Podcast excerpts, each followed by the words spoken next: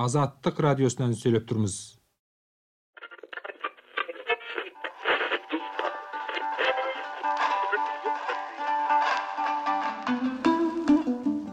азаттык радиосунан сүйлөп турмуз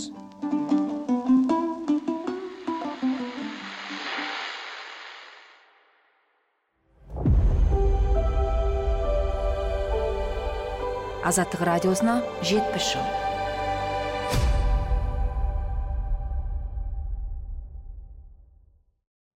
армысыздар бир миң тогуз жүз алпыс сегизинчи жыл он бешинчи кыркүйек яғни осыдан тура элүү беш жыл бұрын абай күні тұңғыш рет атап өтілгенін білеміз бе? Оқиғаның кішкентай куәгері не дейді? Азаттық радиосы сол кезде осы шара туралы қандай хабар таратты? Бүгін осы туралы айтатын боламыз. Бұл азаттық радиосына жетпіс жыл аудио подкасты бүгін подкасттың 25 бесінші эпизодын назарларыңызға ұсынамыз. Сіздермен бірге мен қуанышбек қари. Абай мерекесі кезінде ұлттық ақынымыз абай елімізде билеп төстеуші басқыншылардың мүддесіне орай сипатталынған тарихи шындықтарға сондай ақ біздің ел халқының аға буындарына толық мәлім фактыларға қайшы түрде жасалынған баяндамалар мен жарияланған мақалаларда абайдың көксеген мақсаты тек совет өктемдігі тұсында ғана орындалды деген орынсыз аурығулар болды. Бұл болса абай атамыз үшін қолдап мақтау емес керісінше оны қорлау. Қазір көпшілікке мәлім қазақстанда 2020 жылдан бері 10 тамыз абай күні ретінде атап өтіледі. Бұл абайдың туған күніне орайластырылған шара. Сол үшін үкімет қаулысы да шыққан. 2020 жылы ресмиі бар ресми емесі бар қазақстандағы баспасөз елде абай күні тұңғыш рет аталып өтті деп хабарлаған. Алайда абай күні шарасы бұған дейін совет уағында 1968 жылда атап өтіліпті және бір күнмен шектелмеген. Бақандай бес күнге созылған. Сол кездегі шараны абай күні абай күндері немесе қазақ поэзиясының абай мейрамы деп атапты содан бері тура табаны күректей елу бес жыл уақыт өтті. Сонда пушкин күндері сияқты бұл шараны сол кездегі бүкіл одақтық деңгейде атап өту туралы да сөз болған. Бұл туралы сәлден соң нақтырақ айтамыз. Әзірге бәрін басынан бастайық. Алғашқы абай күніне қатысты деректі астанадағы ұлттық академиялық кітапхананың сирек қорынан кездестірдім. Осы кітапханаға өткізілген хасен оралтайдың жеке қорында сақталған 1968 жылы бірінші қазанда әзірленген азаттық радиосының шолу хабарының жазбасында осы туралы сөз болады. Соны негізге алып абай мұражайы қызметкерлерінен абай танушылар және әдебиет танушылардан абай күні туралы сұрап нақтырақ білуге тырыстым. Мен хабарласқан адамдардың көбі елу бес жыл бұрынғы шарадан бейхабар болып шықты. Мекемтас мырзахметов сияқты қарт абай танушы ғана бұл туралы елес болып қалды ғой деп қысқа қайырды. Дегенмен шараның ортасында болғандар да кезікті. Алдымен сол шара туралы хабарлаған азаттықтың шолуын тыңдап алсақ. Жақында қыркүйек айының 15 күні алаш қаласында яғни қазіргі семей қаласында қазақстан тарихында тұңғыш рет қазақ поэзиясының абай мейрамы деген мереке өткізілді. Халқымыздың ұлы кемеңгер ұлттық мақтаныштарынан абай атамызға арналған бұл мерекеге қазақтың көрнекті қалам қайраткерлерінен ақындар жазушылар сондай ақ ғалымдар және түрлі ұйымдардың өкілдері қатынасты. Әрине абай мейрамының өткізілуі қуанышты бір оқиға. Бұған ешкім қарсы емес. Бұл сияқты мейрамдардың өткізілуі халқымыздың ұлттық ардагерлерінің еске алынуы жас ұрпақтарымызға танытылуы ұлттық бір парыз. Бірақ жуырда семей қаласында өткізілген абай мерекесі кезінде ұлттық ақынымыз абай елімізде билеп төстеуші коммунистік басқыншылардың мүддесіне орай сипатталынған тарихи шындықтарға сондай ақ біздің ел халқының аға буындарына толық мәлім фактыларға қайшы түрде жасалынған баяндамалар мен жарияланған мақалаларда абайдың көксеген мақсаты тек совет өктемдігі тұсында ғана орындалды деген орынсыз аурығулар болды. Азаттық радиосы 1968 жылдың өзінде семейді алаш қаласы деп атайды. Семей содан елу бір жыл бұрын аз ғана уақыт солай аталған. Бір қызығы 1968 жылы тамыз айында советтік қазақстанда семей қаласының 250 жылдығы тойланған екен. Азаттық радиосына жетпіс жыл.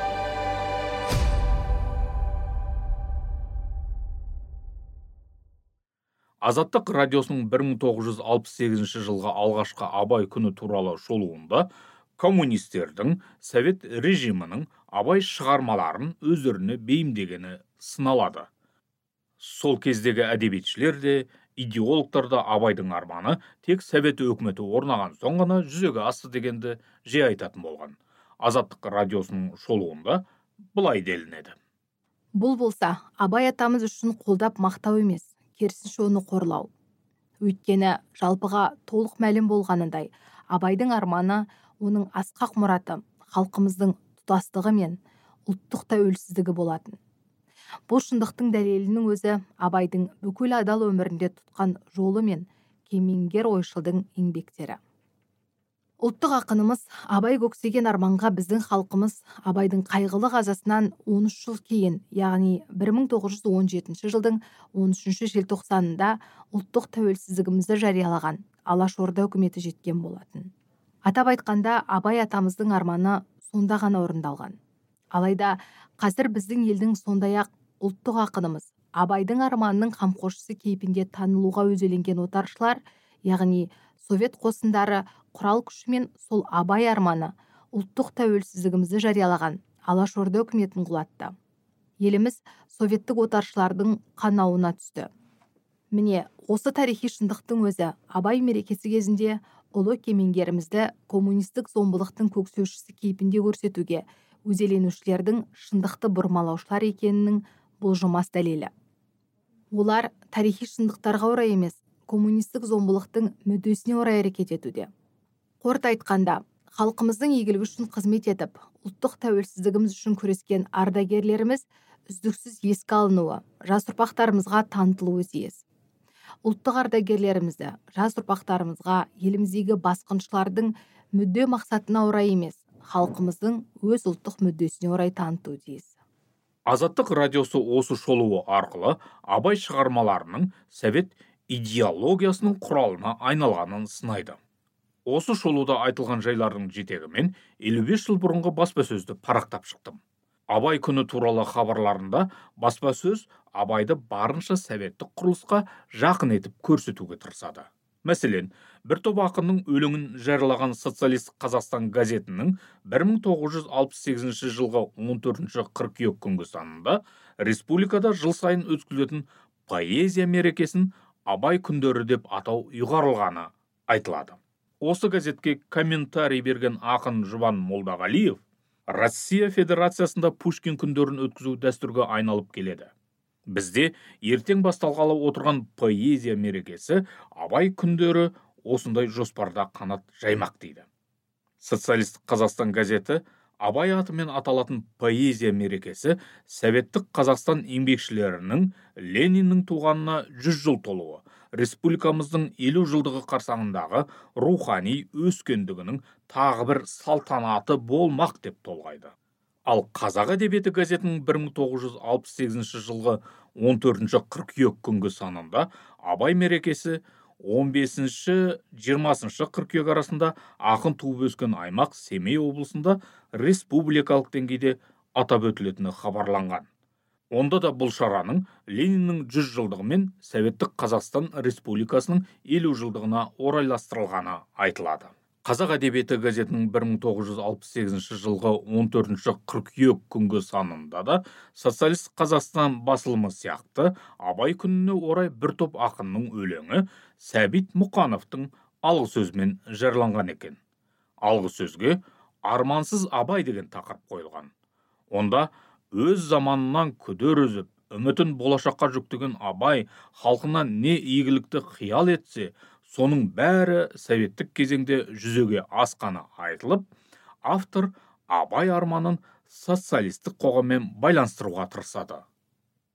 Абайдың тілегі өнер білім болса оған қолы жетпеген совет адамын біздің отаннан іздеп табу қиын дейді ол. Советтік лепірме пафос мұнымен шектелмейді. Абай біздің социалистік қоғамның әр үйінің қадірлі қонағы әр жүректің ыстық түкпіріне сақталған сүйіктісі ол осы қалпында мәңгі жасайды абай армансыз адам деп барып тоқтайды сәбит мұқанов. Қазақ әдебиеті газеті семей облысында республикалық деңгейде өткен абай күндері шарасы аяқталған соң бұл тақырыпқа қайтадан айналып соғады. Бұл жолы шараның қалай өткендігі баяндалады репортаждар жарияланады. Басылымда жарияланған мақаланың бірі абай күні деп аталады. Қазақ поэзиясының абай күні қазақстан жазушылар одағының әдебиетті насихаттау бюросының инициативасы бойынша мейрамдалған тұңғыш бастама.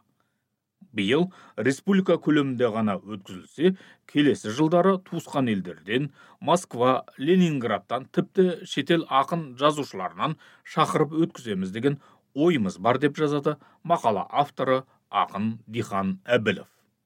Ол осы мақаласында ақындардың күңгірт заманда күңіреніп өткен абайды өмірге қайта әкеп махаббатына бөлеп отырған совет өкіметіне және коммунистік партияға ақ жүректен шын алғысын айтты деп барып бір тоқтайды. Сол кездегі басқа да басылымдарда абай күні шарасы аясында алматыдан барған делегацияның семей қаласында және абай туып өскен абай ауданы аумағында өндіріс шаруашылық ортасында және жоғары оқу орындарында кездесуге қатысқаны сипатталады. Соңында шараға қатысушылардың аудан орталығы қарауылда өткен салтанатты жиында болып абай жерленген жидебайдағы ақын мазарына зиярат еткені айтылады. Бұған қоса абай шығармаларының жаңа бір томдығы әзірленіп жатқаны хабарланады. Және абай тілінің сөздігі жарық көріп алматыда абай спектаклі алғаш рет орыс тілінде қойылғаны туралы мәліметтерді кездестіруге болады. Бұл 1968 жылы алғаш рет атап өтілген абай күнінің баспасөздегі көрінісі. Ал оқиға куәгері не дейді?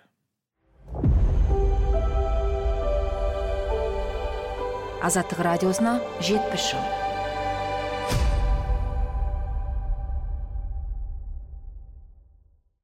Елдар оразалин семейлік жазушы кәмен оразалиннің ұлы. Мұхтар әуезовтің шәкірті болған кәмен оразалин өмір бойы абай ауданының орталығы қарауылда тұрды. 1968 жылы абай күні шарасы атап өтілгенде елдардың жасы жетіде. Сол күндер туралы елдар бізге де аз кем естелік айтып берді мың тоғыз жүз алпыс сегізінші жылы он сегізінші қыркүйекте абайдың тұңғыш поэзия күні болып қазаққа белгілі көптеген ақын жазушылар өнер қайраткерлері абай еліне келді жидебайдағы ұлы ақын ескерткішінің басына барып рухына тағзым жасады музей үйін аралады бала болсақ та солардың салиқалы сөзін естіп өстік әсіресе шабыттан туған абайға арнаған өлең жырларын абай ескерткіші басында жалындата оқыған сәттерін көріп әкемнің қасында қарындасым бақыт екеуміз таңырқай тыңдаған кезімізде әлі есімде сол жолы дүбірлі шараға алыс жақыннан келген ақын жазушылар ғали орманов дихан әбілов темірғали нұртазин ғафу қайырбек қасым қайсенов кәшап туғанбаев сәду машақов және сол кездегі абай музейінің директоры ахат шәкәрімұлы қарауылдағы біздің үйде қонақ болып дастарханнан дәм татты. Илдар оразалин абай күні мерекесінде ақындардың өлең оқығанынан қатты әсерленген. Әр ақынның өз ерекшелігі болғанға ұқсайды. Ана ғафудың өлең оқығаны санымда қалып кетті мен сол өйткені ана кісі өзі оқығанда керемет бір динамикалық бір тартылыспен өзі адамды бауыры болатын сонысы есімде қалған. Одан кейін ғали ормановтың өлеңін оқыды енді ол кісі былай жай оқыды. Тағы біраз адамдар оқыды. Өздерінің бір өлеңдерін сөйтсем бұл жолда ол кейіннен сол ана неде газетке басылды да қойдым артқа Илдар Оразалин осы шара аяқталған кездегі бала көңілде сақталып қалған мына жайды да жасырмады. Айтуынша жидебайдан қайтып келе жатқан жолда ақын ғали орманов отырған көлік оның әкесінің көлігін басып озған. Сол сәтте арттағы көлікке тас ұшып терезесі сынса керек. Ол кезде мынау трасс бар жидебайдағы трасс.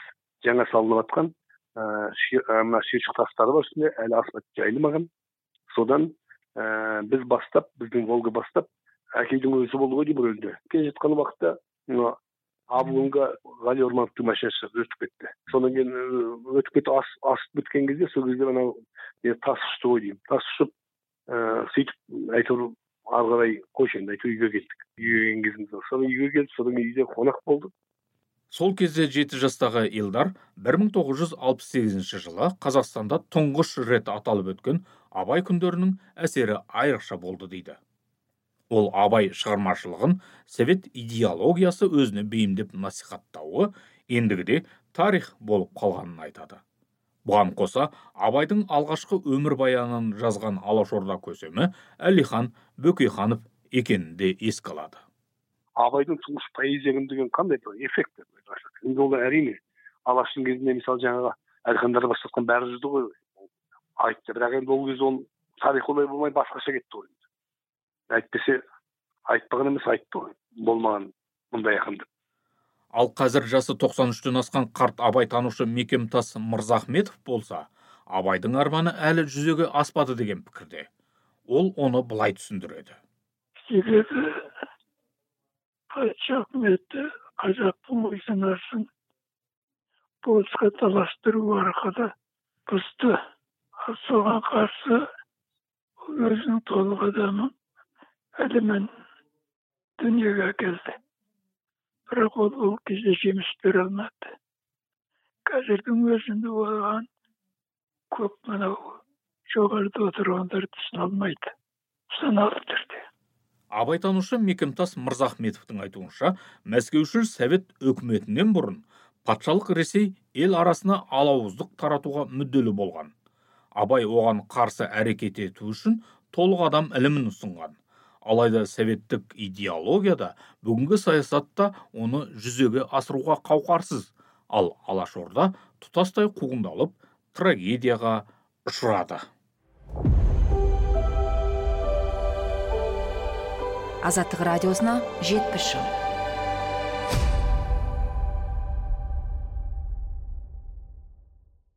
Біз бүгін осыдан тура 55 жыл бұрын 1968 жылдың 15 қыркүйегінде қазақстанда тұңғыш рет аталып өткен абай күні туралы азаттық радиосының шолуына тоқталдық. Онда абай арманы тек совет дәуірінде ғана жүзеге асты деген тұжырымдаманың қате екені айтылады. Ал қазіргі қазақстанда абай күнін атап өту ресми билік ұсынғандай 2020 жылы басталмағанына азаттықтың архивін ақтара отырып көз жеткіздік 1968 жылдан кейін 1971 жылы абайдың 125 жылдығы тойланады. Одан берде де абай поэзиясының күндері өткізілгенімен тәуелсіздік қарсаңында көмескіленіп бар жоғы білінбей кеткені жасырын емес. Сонымен азаттық радиосына жетпіс жыл аудио подкастының бүгінгі эпизоды тәмам. Подкасттың барлық эпизодын азаттық сайтынан подкаст платформаларынан және азаттықтың YouTube арнасынан тыңдауға болады. Келесі эпизодта кездескенше сау саламат болыңыздар. Азаттық радиосына жетпіс жыл.